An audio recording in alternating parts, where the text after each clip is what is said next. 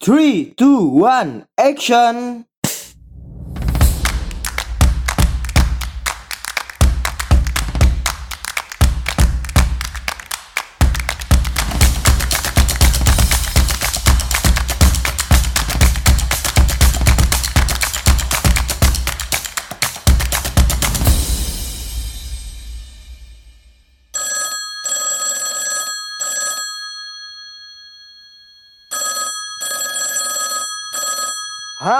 Semua datang kembali di Pod by MA, tentunya di program Anak Komunikasi. Yeah. Oke, para pendengar Pod by MA, pada pertemuan kali ini kita akan melanjutkan pembahasan tentang internet dan media baru. Nah, kita di awal sekali sudah menjelaskan ya apa itu internet, kemudian media baru itu seperti apa, yang sebenarnya paling spesifik atau khasnya itu adalah teknologi. Jadi perkembangan teknologi sesuatu yang dia itu bisa dikompres, kemudian tidak atau jauh terlepas dari fisiknya, maka itu disebut dengan uh, perkembangan dari media baru itu sendiri. Nah, pada pertemuan kali ini kita akan membahas tentang budaya cyber atau cyber culture. Nah, di sini kalau kita berbicara tentang internet dan media baru, tentunya juga kita akan berbicara terkait uh, cyber atau dunia apa ya? Dunia analog, dunia komputer, dunia yang di dalam PC, dunia yang dia itu serba angka. Kenapa disebut serba angka? Seperti pertemuan sebelumnya sudah dijelaskan ya bahwa bahasa-bahasa di dalam komputer itu adalah bahasa-bahasa angka yang kemudian menjadi sebuah uh, tampilan. Contoh misalkan warna merah saja kalau kita bedah itu adalah sebuah angka. Nah, pada pertemuan kali ini kita akan membahas khususnya yaitu tentang cyber culture. Ya. Sebelum kita membahas atau membedah tentang apa sih itu budaya cyber atau cyber culture, ini sesuatu yang mungkin saat ini sudah sering sekali banyak dibahas di sekitar kita terutama untuk uh, mahasiswa ilmu komunikasi yang mereka kajiannya itu adalah tentang uh, media online atau ya sekarang itu media baru seperti itu. Nah, sebelum kita membahas cyber culture, perlu kita jelaskan sedikit ya tentang definisi budaya. Oke, sebelumnya saya perlu jelaskan bahwa di mata kuliah ini, terutama khususnya hari ini, saya mengutip dari buku yang berjudul etnografi virtual, riset komunikasi, budaya, dan sosioteknologi di internet, karya Dr. Ruli Nasrullah MSI. Yang pertama, saya menjelaskan tentang definisi budaya sebelumnya.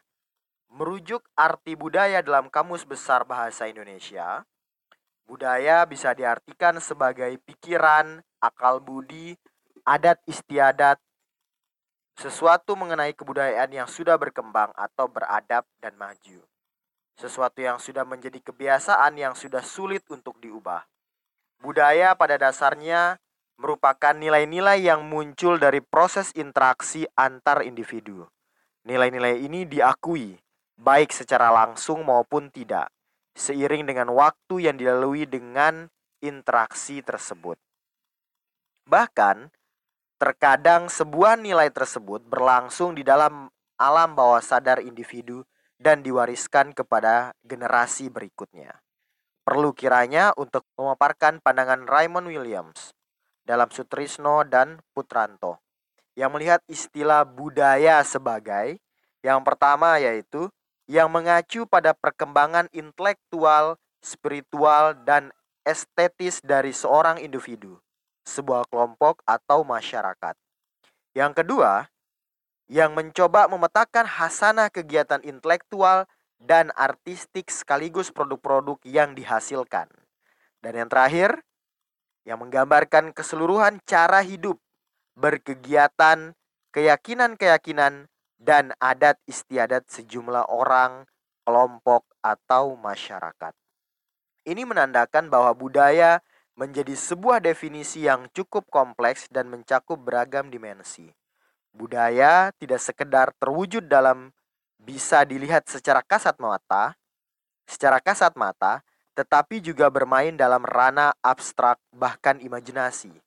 juga antara profan dan sakral sehingga memerlukan sehingga memerlukan upaya melihat artefak budaya dalam konteks tertentu yang berbeda dengan konteks komunitas atau kelompok lainnya. Berikut ini beberapa definisi budaya melalui beberapa pendekatan. Saya akan jelaskan kurang lebih ada lima ya pandangan tentang kebudayaan menurut beberapa uh, keilmuan. Yang pertama, pendekatan antropologi. Clifford Geertz mengartikan budaya sebagai nilai yang secara historis memiliki karakteristik tersendiri dan bisa dilihat dari simbol-simbol yang muncul. Simbol tersebut bermakna sebagai sebuah sistem dari konsep ekspresi komunikasi di antara manusia yang mengandung makna dan yang terus berkembang seiring pengetahuan manusia dalam menjalani kehidupan ini. Oleh karena itu, dalam definisi ini budaya merupakan nilai, kebiasaan atau kepercayaan yang akan berkembang. Yang kedua, itu pendekatan secara psikologi. Sebagaimana yang dipopulerkan oleh Gert Hofstede, budaya diartikan tidak sekedar sebagai respon dari pemikiran manusia atau programming of mind, tetapi juga sebagai jawaban atau respon dari interaksi antar manusia yang melibatkan pola-pola tertentu sebagai anggota kelompok dalam respon lingkungan tempat manusia itu berada. Definisi yang menggunakan istilah mental programming menekankan bahwa pada dasarnya manusia sebagai individu memiliki pemikiran, karakteristik, sudut pandang, atau image yang berbeda. Perbedaan itulah yang pada dasarnya muncul dari hubungan dengan individu lain. Misalnya, seorang anak akan memiliki karakter yang berbeda dengan karakter yang dilihatnya atau dialaminya dalam berinteraksi terhadap orang tua. Selanjutnya, karakter sang anak akan terus berubah ketika ia berada dalam kelompok yang jauh lebih luas dan besar dibandingkan lingkungan rumahnya. Dalam perspektif psikologi, makna kata budaya lebih cenderung menekankan sebagai upaya yang dilakukan manusia dalam menghadapi persoalan kehidupan, berkomunikasi, maupun pemenuhan kebutuhan secara fisik maupun psikis.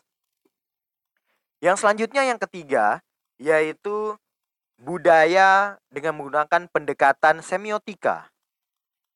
Semiotika memandang budaya sebagai persoalan makna, dalam buku Introduction Cultural and Media Studies, sebuah pendekatan semiotik budaya dijelaskan sebagai sekumpulan praktik sosial yang melaluinya makna diproduksi, disirkulasikan, dan dipertukarkan.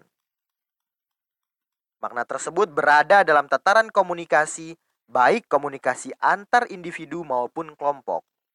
Budaya bukanlah ekspresi makna yang berasal dari luar kelompok, juga bukan menjadi nilai-nilai yang baku. Sifat alamiah makna pada dasarnya tidak bisa kekal karena manusia, baik sebagai individu maupun anggota kelompok, selalu dipengaruhi oleh aspek-aspek sosial, misalnya pendidikan, politik, ekonomi. Aspek sosial inilah yang memberikan hasanah pemaknaan yang dalam pandangan semiotika sebuah makna itu selalu berpindah, membelok, mengalami reproduksi, dan saling dipertukarkan. Oleh karena itu, budaya tidak terjadi dalam ruang imajinasi, tetapi dalam praktik komunikasi antar manusia. Misalnya, kita bisa mengetahui ekspresi seorang dari foto yang dikirimkan olehnya tanpa pernah sekalipun bertemu dengan orang tersebut. Namun, dalam konteks budaya melalui perspektif semiotika, makna ekspresi yang ditampilkan di foto tersebut sesuai dengan praktik sosial yang secara umum berlaku. Yang keempat, yaitu budaya menggunakan pendekatan etnografi. Budaya diartikan sebagai konstruksi sosial maupun historis yang mentransmisikan pola-pola tertentu melalui simbol, pemaknaan, premis, bahkan tertuang dalam aturan. Gary Philipson, sebagaimana dikutip dalam Martin dan Nakayama, mengartikan budaya sebagai berbagai pola tingkah laku yang tidak bisa dilepaskan dari ciri khas kelompok masyarakat tertentu, misalnya adalah adat istiadat. Dan yang terakhir, melihat budaya menggunakan pendekatan sains dan teknologi. pendekatan sains dan teknologi yang dipopulerkan oleh David Bell mendefinisikan budaya dalam empat bagian atau pola pandang. Budaya atau kultur sebagai sebuah produk. Dikenal dengan sebutan teks, entah itu berupa lukisan, dekorasi, kue, dan sebagainya. Praktik seperti bernyanyi atau mengirim pesan, institusi seperti museum, pemerintahan, sebagai sebuah badan yang memproduksi dan membuat regulasi, dan teori sebagai sebuah upaya memahami ketiga pola sebelumnya. Budaya merupakan apa yang individu lakukan dan perbuat dalam konteks interaksi dengan individu lainnya. Ketika memasukkan teknologi internet di dalam definisi ini, yang dilakukan itu mengambil lokasi di dunia virtual. Nah, beragam definisi budaya tersebut setidaknya memberikan arah bagaimana mengartikan kata budaya. Oleh karena itu, budaya bisa diartikan sebagai sebuah nilai atau praktik sosial yang berlaku dan dipertukarkan dalam hubungan antar manusia, baik sebagai individu maupun anggota masyarakat. Budaya inilah yang menjadi acuan dasar bahkan bisa menjadi rel bagi proses komunikasi antar manusia. Karena ia muncul dalam wilayah tertentu, budaya memiliki keragaman hingga keunikan yang membedakan antara satu wilayah dengan wilayah lainnya.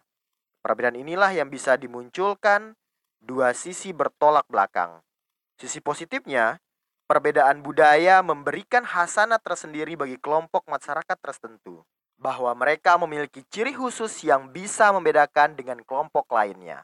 Juga akan memunculkan ikatan yang sangat kuat di antara anggota kelompok masyarakat yang tidak hanya terjadi di wilayah tempat di mana mereka berada, tetapi di berbagai wilayah.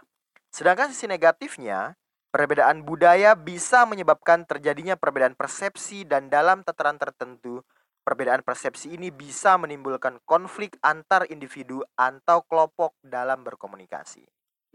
Di sini pentingnya pemahaman bahwa komunikasi memberikan pengaruh terhadap budaya dan interaksi, baik selaku individu maupun dalam kelompok. Nah, jadi budaya di dunia virtual atau stable culture menjadi kajian tersendiri yang dalam banyak pembahasan sangat berbeda pendekatannya maupun teori yang dipergunakan selama ini. Nah, dua konsep seperti komunitas dan identitas menjadi sedikit berbeda dalam tataran penjelasan dan kriterianya jika dibandingkan antara offline dan online. Untuk itu sebagai dasar memahami budaya cyber, nah saya akan menjelaskan tentang definisi budaya cyber atau cyber culture. Yang di dalam mata kuliah ini sangat penting untuk kita pahami. Kata cyberspace sebelum dipopulerkan Gibson diperkenalkan dalam sebuah novel science fiction. True Name oleh Vernor sebagai novelis yang juga ahli matematika pada tahun 1981. Vernor menggunakan istilah the other plane untuk menggambarkan keberadaan sebuah jaringan. Konsep ini kemudian diadaptasi oleh William Gibson pada tahun 1984 dalam novelnya yang berjudul Neuromancer. Pengertian cyberspace atau ruang cyber menurut Gibson adalah sekumpulan data, representasi grafik demi grafik, dan hanya bisa diakses melalui komputer. Ruang cyber digambarkan oleh Gibson jauh sebelum teknologi internet berkembang. Ide penggunaan kata cyber setelah ia memperhatikan fenomena keyakinan yang muncul dari anak-anak setelah mereka bermain video games. Anak-anak tersebut meyakini video games adalah nyata. Semua bangunan, ruang, interaksi, maupun benda-benda yang ada di dalam permainan tersebut merupakan sebuah kenyataan atau eksis. Meski kenyataan itu tidak bisa dijangkau oleh mereka. Merujuk pada kata yang digunakan oleh Gibson, ruang cyber lebih dekat dengan penggambaran atau consensual hallucination. Namun Bromberg menyamakan cyberspace sebagai non-linear reality of mind-altering drugs. Sedangkan Ruskop menggunakan kata ruang cyber untuk membawa pikiran manusia ke tingkat atau level selanjutnya dari kesadaran manusia Sementara Perry Barlow menggunakan istilah network computing.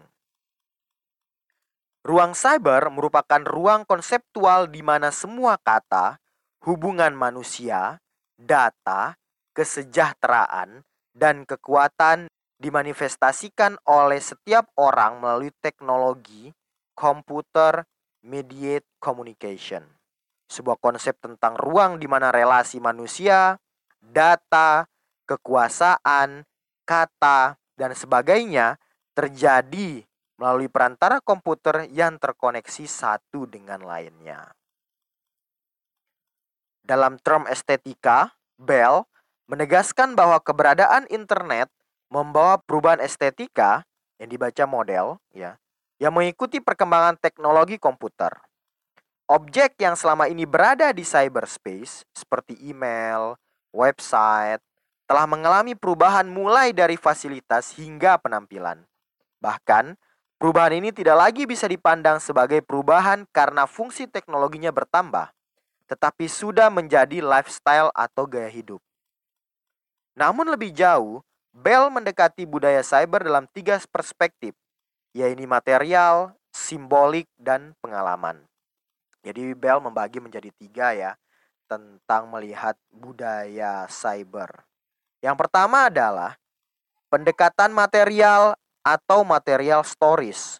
Melihat internet sebagai sebuah perangkat teknologi dari aspek sejarah, mulai dari Apranet sebagai embrio internet yang muncul untuk kepentingan militer pada tahun 1969, penggunaan internet dan perangkatnya yang mulai merambah ke perguruan tinggi pada era 1970-an dan mulai ramai diakses oleh publik pada awal tahun 1980-an hingga perkembangan internet di masa kini. Pada masa kini, Internet tidak lagi sekedar medium penyampai penerima pesan, menjadi fasilitas untuk membantu pekerjaan, mencari hiburan, dan pengisi waktu luang, tempat mencari informasi, serta menjadi sarana untuk melakukan transaksi jual beli. Ini perkembangan tahun 2000-an mulai mulai berkembang lah uh, dari media-media internet ini. Pendekatan simbolik atau symbolic stories ini yang kedua Internet merupakan simbol yang tidak hanya bisa didekati secara virtual maupun sebagai suatu halusinasi, abstrak, dan tidak nyata saja. Internet juga bisa dimaknai sebagai ruang produksi, sirkulasi, dan konsumsi penggunanya. Internet ternyata memberikan efek terhadap bagaimana individu itu memiliki pengalaman dan membangun impian di ruang cyber.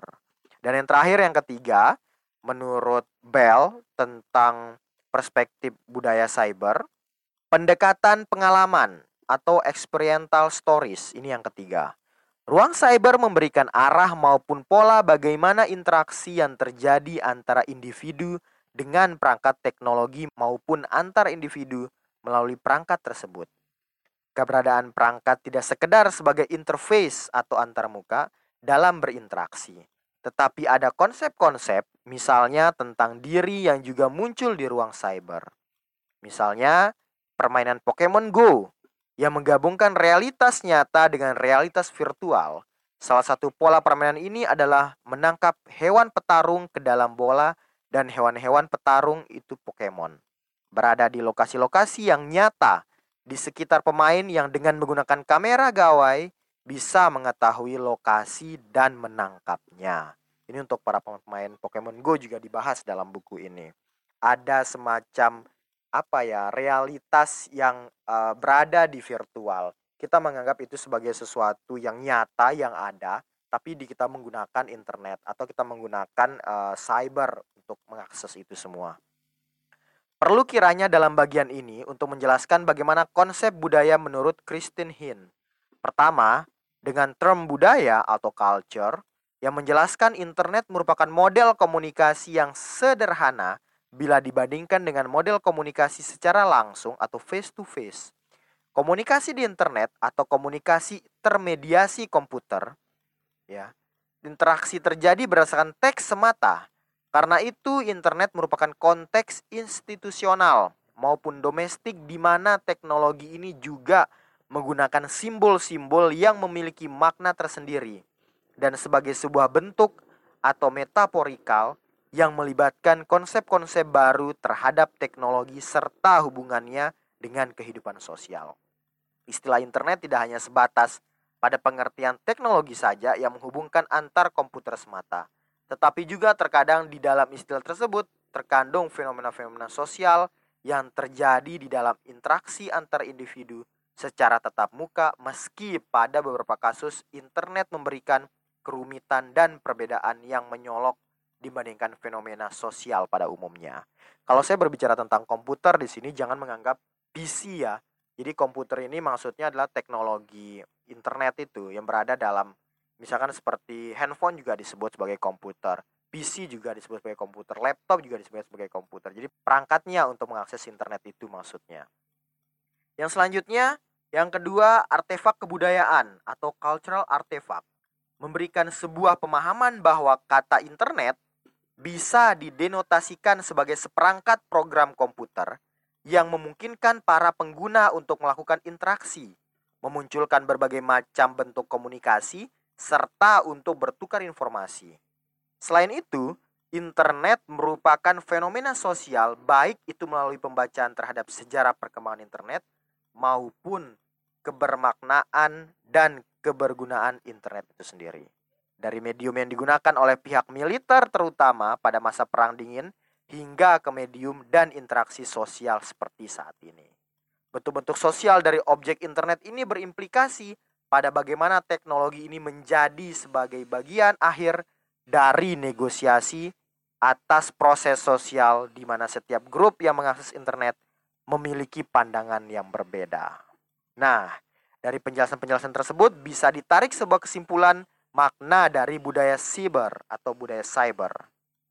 Jadi, budaya cyber itu praktek sosial maupun nilai-nilai dari komunikasi dan interaksi antar pengguna yang muncul di ruang cyber dari hubungan antara manusia dan teknologi maupun antar manusia dengan perantara teknologi. Budaya itu diproduksi, didistribusikan, dan dikonsumsi melalui jaringan internet serta jaringan terbentuk di antara pengguna. Nah, para pendengar Podba MA, pada pertemuan kali ini kita sudah menjelaskan tentang cyber culture yang di awal sekali tadi kita menjelaskan tentang culture-nya dulu agar mendapat pemahaman bahwa culture itu apa menurut beberapa keilmuan dan background keilmuan dan yang terakhir tadi kita sudah menjelaskan tentang cyber culture itu sendiri.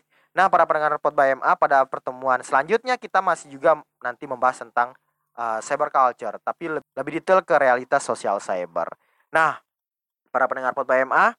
Pada pertemuan ini kita sudahi dulu karena kita sudah membahas pertama mengawali dengan budaya, kemudian setelah itu kita bicara masalah cyber culture itu sendiri. Yang pada akhirnya nanti kita akan melihat bagaimana realitas penggunaan cyber culture itu atau sosial cyber. Tentunya tetap dengerin Pod by MA di program Anak Komunikasi. Yo.